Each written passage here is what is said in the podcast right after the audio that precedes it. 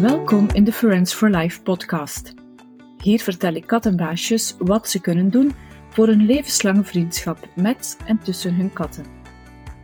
Mijn naam is Els en ik help katten en hun dienaars om elkaar beter te begrijpen. Na de dood van ons katje Romy in 2017 kwam het besef dat we te laat gemerkt hadden dat ze zich niet goed voelde en dat ik dus nog veel te leren had. Intussen heb ik verschillende opleidingen over kattengedrag gevolgd en een postgraduaat in gedragstherapie. Maar ik vind voorkomen nog altijd beter dan genezen. Met de tips in deze podcast help ik jou als kattenbaasje om het gedrag van je kat beter te begrijpen en vertel ik je hoe je erop kan inspelen, zodat jullie Friends for Life blijven.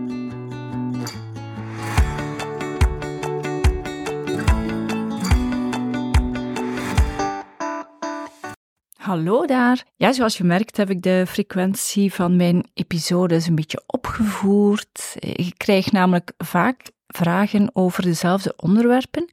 En dat wijst erop dat het toch zaken zijn die leven onder kattenbaasjes. Dus ik dacht, hoe sneller ik mijn eerste seizoen online zet, dus de eerste tien episodes, hoe sneller ik die mensen en hun katjes ga kunnen helpen. En een van die vragen is: ik heb kittens geadopteerd of ik ben dat van plan. Waarop moet ik letten? Nu, voordat ik daarop inga, en dit gaat echt niet als een verrassing komen voor uh, mensen die mij al een beetje kennen. Als je een kat wil adopteren, overweeg dan zeker een volwassen kat, want de asielen zitten er weer vol mee. En ze hebben inderdaad soms een rugzakje, maar onder andere met deze podcast wil ik jou leren hoe je daarmee kan omgaan. En een volwassen kat gaat ook niet meer zoveel veranderen qua temperament, terwijl dat bij kittens wel nog uh, gebeurt. En kittens zijn natuurlijk ontzettend cute, maar ze hebben veel energie. Ze vragen veel energie en ze groeien eigenlijk ook verdomd snel uit die cute fase. Maar, dat allemaal gezegd zijnde, er worden nog altijd kittens geboren en uiteraard hebben die allemaal ook recht op een warme thuis. Dus ik pleit natuurlijk niet tegen de adoptie van kittens. En in deze episode, episode wil ik jou uh, jambersgewijs een beetje inzicht geven in wat kittens drijft en wil ik jou voorbereiden op de wervelwind die uh, door jouw huis gaat trekken. Voor de volledigheid uh, geef ik ook nog mee, uh, side note, als je op een dag kittens zou vinden in je tuin of ergens onderweg, dat je dan best contact opneemt met een opvang om die daar te gaan onderbrengen. Want jonge kittens hebben echt wel gespecialiseerde zorg en voeding nodig. En niet iedereen, ik trouwens ook niet, ehm, kan die, kan die zomaar bieden. Goed, um, en voordat ik echt begin, full disclosure. Uh, eigenlijk ga ik vandaag uh, advies geven dat ik eh, exact tien jaar geleden zelf had willen krijgen. Voor wie het verhaal nog niet kent, mijn vriend Bram en ik hadden toen net uh, Romy en Oliver geadopteerd. twee kittens uit een nestje van vier. Dat was gedumpt op ongeveer vijf weken oud. En wij hebben toen een beetje zonder het te beseffen veel dingen zeker goed gedaan. Maar door een gebrek aan kennis waren er eigenlijk ook zaken waarvan ik nu weet eh, dat we die anders hadden kunnen aanpakken. En de eye-opener op dat vlak was het boek I Love Happy Cats. Dat is in 2017 uitgekomen. Wij hadden begin dat jaar uh, Romietje verloren aan nierfalen.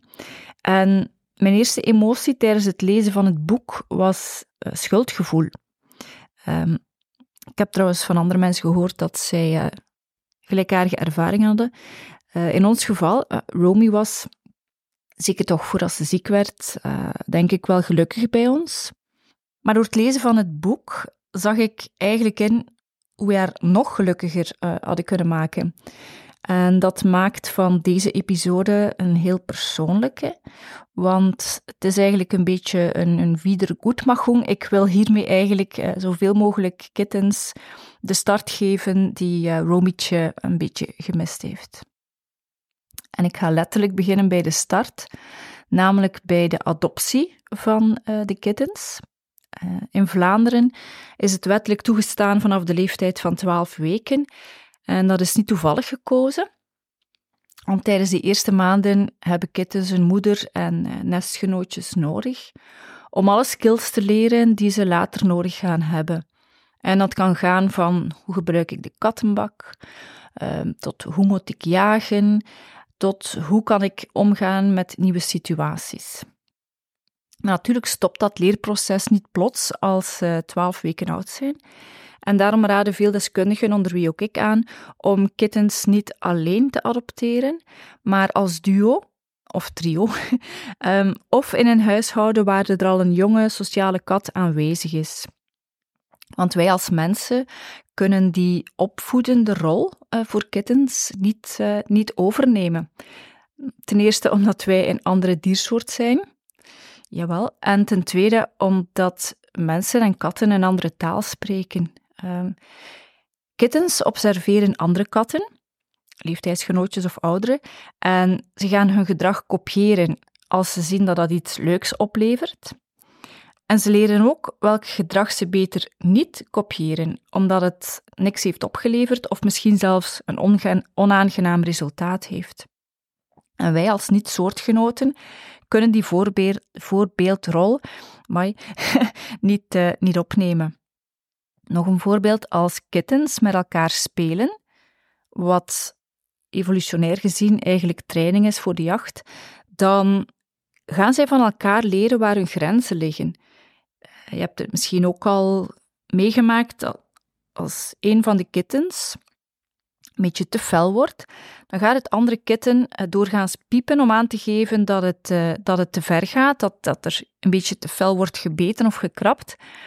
En dan snapt het andere kitten het signaal. Dan weten ze van, oh, ik moet er een beetje dimmen. En ja, samen spelen van kittens, dat gebeurt op verschillende tijdstippen doorheen de dag. En een kitten dat alleen is op dat moment, gaat al die energie niet kunnen afreageren op, uh, op een soortgenootje. En vaak is het dan het interieur dat het gaat moeten ontgelden, of de verveling wordt afgereageerd op uh, mensen of op andere huisdieren zoals honden. En ik hoor vaak mensen die een kat hebben van één of twee jaar oud.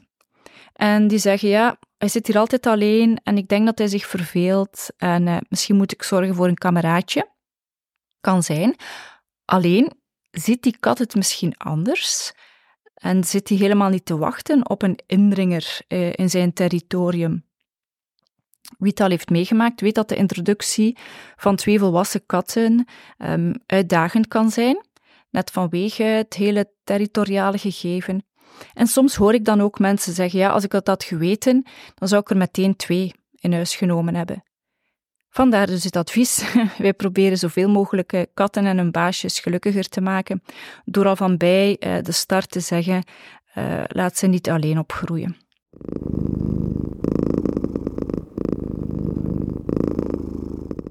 In deze episode zal ik niet ingaan op het moment dat de kittens dan bij jou thuis arriveren. Dat is al aan bod gekomen in episode 3, dus de hele sequence voor de adoptie van een kat. In episode 3 ging het om volwassen katten die misschien wat angstiger zijn. Bij kittens is die kans kleiner, zeker als het uh, papfleskittens zijn. Maar sommige kittens worden op iets latere leeftijd nog gevonden op straat en die gaan wel nog een beetje moeten wennen aan mensen. Dus sowieso, again, better safe than sorry, kan het geen kwaad om kittens de eerste dagen dat ze bij jou zijn, uh, toch een aparte kamer te geven, om toch de kans te krijgen om te wennen aan die nieuwe omgeving. En de andere stappen uit episode 3 gaan waarschijnlijk iets sneller uh, voorbij gaan uh, in het geval van kittens. Um, en zeker de kittens die helemaal niet, niet angstig zijn. Waar ik vandaag wel dieper op inga, dat heb ik al gezegd, is het feit dat kittens heel veel energie hebben, dat ze nog volop de wereld aan het ontdekken zijn. En daardoor komen ze soms terecht in situaties die mensen soms beschouwen als ze misdragen zich. Ik ga daar zo meteen op terugkomen. Ik ga wel al meegeven dat het uh, niks uithaalt om, als jij vindt van kitten misdraagt zich, om op dat moment te beginnen roepen of zelfs de plantenspuit boven te halen. En want mensen zeggen, ze weet nogthans dat het niet mag. Een kitten weet dat eerlijk gezegd niet, Omdat, en dat ga ik zo meteen uitleggen, het gedrag dat zij op dat moment vertonen, is voor hen volkomen natuurlijk. En als jij dan begint te roepen of uh, water sproeit, het enige wat die kat of het kitten op dat moment leert, is dat jij soms heel onvoorspelbaar kan reageren en dat is niet bevorderlijk voor jullie relatie. De kat kan zelfs een beetje bang worden van jou. En à la limiet gaan ze leren, ik moet het gewoon doen als baasje er niet is. Maar het gedrag op zich gaat waarschijnlijk niet eh, verdwijnen. En over welke misdragingen, air quotes, heb ik het nu? Uh, overal op en inklimmen is een, uh, is een heel goede. Uh, en dat ga je een kitten niet kunnen afleren, omdat het een basisbehoefte is voor iedere kat. Om twee redenen. vanuit de hoogte kunnen katten makkelijker speuren naar mogelijke prooien en ook ontsnappen aan mogelijke roofdieren. En in ons huis is doorgaans geen van de twee aanwezig, maar dat kliminstinct is is aangeboren, is diep geworteld. En we gaan dat niet kunnen afleren, omdat het gewoon basic survival is. Uh, als ze dat niet doen, dan zijn ze gezien. Dus we gaan het niet kunnen afleren. Heb ik zelf uh, ook moeten leren. Wat we wel kunnen doen, is het gaan kanaliseren. Uh, en we gaan dat doen door kittens en ook volwassen katten plaatsen te geven waar ze veilig kunnen en mogen klimmen. En we gaan ook voorkomen dat ze gaan klimmen op plaatsen waar het niet veilig is of waar je het liever gewoon uh, niet hebt. En hoe kan je dus die uh, veilige klimplaatsen voorzien? Je kan hen toegang geven tot plaatsen van waaruit ze een goed overzicht hebben, zowel uh, wat er binnen in huis gebeurt als eventueel ook buiten.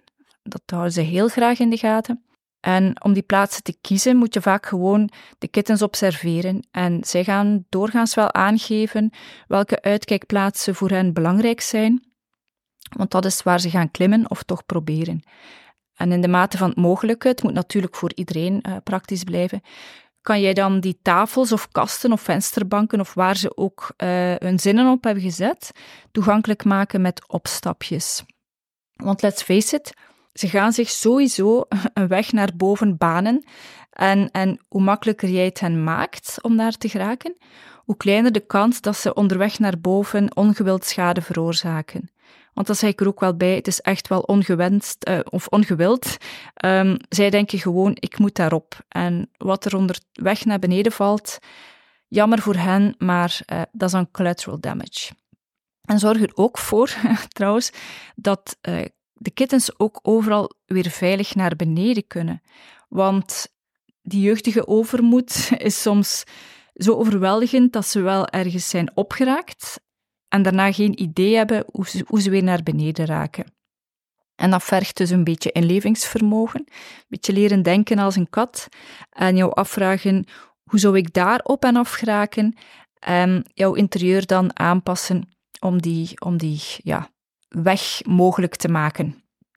En als je trouwens zelf geen idee hebt hoe een kat denkt of, of uh, hoe je je interieur kan aanpassen of waar je al die uh, voorwerpen kan vinden, um, dan kan ik zeker eens bij jou langskomen voor, uh, voor een beetje advies op maat van jouw huis en ook van jouw budget. En dat leren denken als een kat gaat jou trouwens ook helpen om de kittens veilig te houden.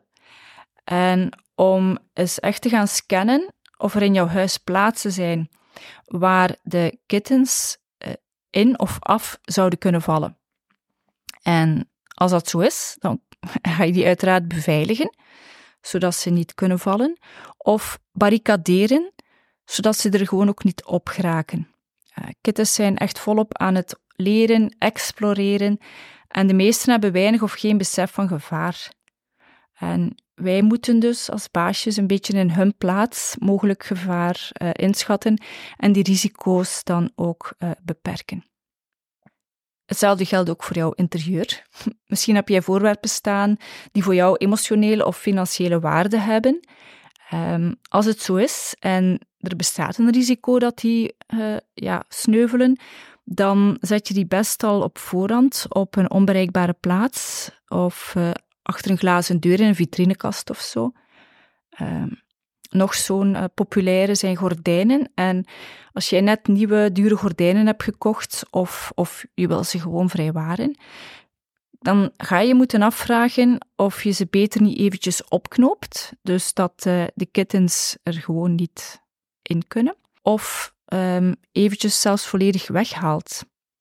Uh, zeker lang genoeg dat de kittens geleerd hebben dat er andere leuke plaatsen zijn waar ze wel mogen klimmen, en dan gaan die gordijnen voor hen waarschijnlijk ook niet zo heel veel betekenen. Het gaat namelijk niet om de gordijnen zelf, maar om ja, de gordijn als doel om hoger op te geraken. Want ik, ik ga het nog één keer benadrukken, je bent waarschijnlijk al kotsbeu, maar katten hebben echt die uitkijkplaatsen nodig. En als wij er geen voorzien, dan gaan ze die zelf kiezen. Dus probeer het toch een beetje uh, te kanaliseren. Nog zo'n misdraging, airquotes van kittens, is dat ze graag overal aan krabben. Uh, over krabben ga ik trouwens nog een aparte episode uh, opnemen, omdat het een vaak gehoorde klacht is. Maar ik geef nu wel al mee dat je ook krabben niet gaat kunnen afleren.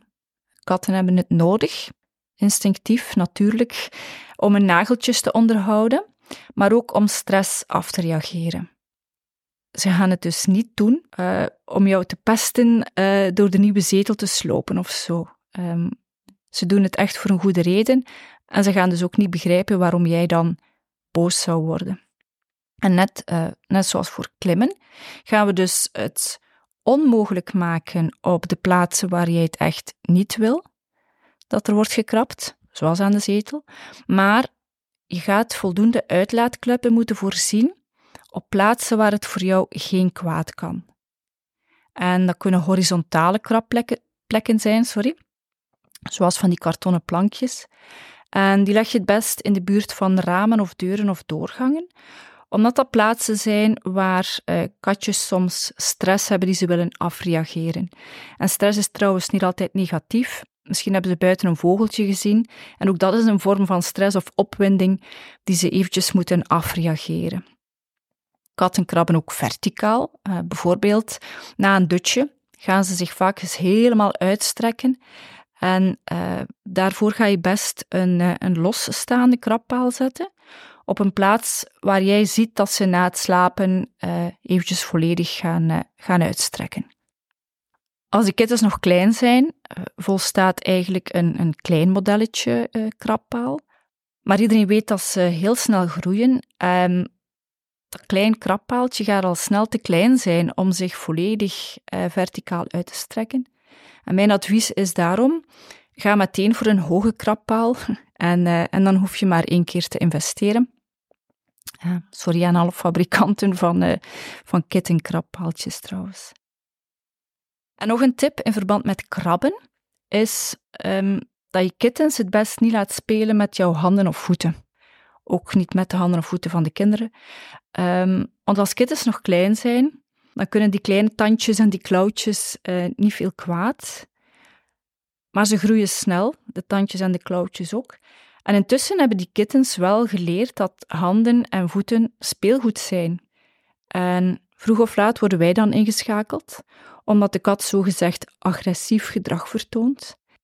Maar die kat wil gewoon blijven spelen zoals die dat is gewoon geweest. Die heeft niet door dat dat intussen pijn doet. um, en, en Eigenlijk zijn dat perfect vermijdbare situaties. Dus speel alsjeblieft van bij het begin met jouw kittens door uh, hengels te gebruiken of pluimstokken, of zelfs gewoon een stukje touw. Ze zijn vaak heel snel content. Um, ik zeg er wel bij, ruim speelgoed alles met touwtjes of ijzerdraad uh, altijd op als je gedaan hebt, want het risico op ongelukken is, is echt wel groot, zeker met kittens. En, last but not least, uh, niet zozeer uh, voor jouw interieur, maar om oneenigheid tussen de kittens te voorkomen, geef je het best van alles, minstens evenveel exemplaren als er katten zijn. En bij voorkeur nog eentje extra, maar minstens evenveel als er katten zijn. En waarvoor geldt dat? Uh, de kattenbakken, voldoende lichtmandjes, schuilplekken, kunnen ook gewoon kartonnen dozen zijn, krabplaatsen, kunnen ook gewoon simpele krabplankjes zijn, speeltjes, maar ook waterkommen en voerbakjes. En iedereen heeft al de foto's gezien en het ziet er ontzettend schattig uit als kittens samen van een schoteltje zitten te eten. Kittens die heel jong zijn vinden dat denk ik ook nog niet zo heel erg. Maar eten is voor katten in de natuur, daar ben ik weer, een, een heel individueel gegeven. Um, in tegenstelling tot leeuwen of tijgers um, gaan katten niet in groep jagen en eten, want aan een muisje of een vogeltje valt er weinig te verdelen. Dus instinctief eten zij het liefst alleen. Waarom gaan ze dan toch soms samen aan een bordje zitten? Ja, als jij de kans hebt tussen eten met stress of niet eten, dan ga je kiezen voor eten met stress. Wat dan niet wil zeggen dat je op dat moment echt gelukkig bent of jou op je gemak voelt. En vandaar dat het beter is om ieder kitten, iedere kat een eigen eetplek te geven op, en daar zijn we weer, minstens anderhalve meter eh, van elkaar. Volgende maand ga ik uh, nog een episode opnemen, want anders blijft het hier maar duren, over andere zaken waar katten stress van krijgen. Van alle leeftijden trouwens. Maar ik hoop dat je vandaag toch iets hebt bijgeleerd over uh, waarom kittens doen wat ze doen, uh, waarom wij het hen niet kunnen afleren en hoe jij jezelf en je huis het best voorbereidt op een komst. Het zijn trouwens allemaal lessen die ik zelf ook, ook heb moeten leren. En afsluitend doe ik stilaan traditioneel met het wistje katje van de week. En ja, toevallig of niet, sluit het weer helemaal aan bij het onderwerp van de episode. Er zijn heel wat mensen die kittens adopteren, die op een bepaald moment dingen zeggen als ja, de eerste jaren waren ze letterlijk twee handen op één buik en nu zien we ze eigenlijk nooit meer samen slapen. Uh, kan, is ook perfect normaal, want uh, rond de leeftijd van twee jaar krijgen katten, uh, of hebben katten, ze krijgen niet plots, hebben katten hun volwassen, min of meer definitieve karakter. En het hoeft niet zo, maar het kan betekenen dat ze daardoor een klein beetje uit elkaar groeien. Maar dat hoeft eigenlijk geen probleem te zijn. Um, als jij ervoor hebt gezorgd dat er van alles voldoende exemplaren beschikbaar zijn, dan hoeft er helemaal geen rivaliteit of spanning te ontstaan. En ook al zijn ze dan een klein beetje uit elkaar gegroeid, uh, jouw katten gaan nog altijd in harmonie kunnen samenleven. Je mag het zeker jammer vinden uh, dat ze niet meer zo close zijn als, als toen ze klein waren. Uh, maar jouw katten gaan wel gelukkig zijn, omdat jij hen letterlijk en figuurlijk elk hun eigen ruimte geeft.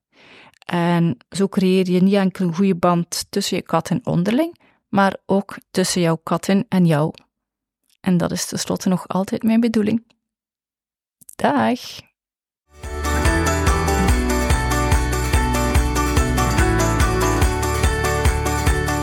Ik ben uitverteld voor vandaag. Ik hoop dat je er iets aan gehad hebt. Alle achtergrondinfo bij deze episode vind je op podcast.friendsforlife.be. Deel die link gerust met andere kattenbaasjes of laat een review na, zodat ook anderen de weg naar deze podcast vinden. Alvast bedankt en tot hoors!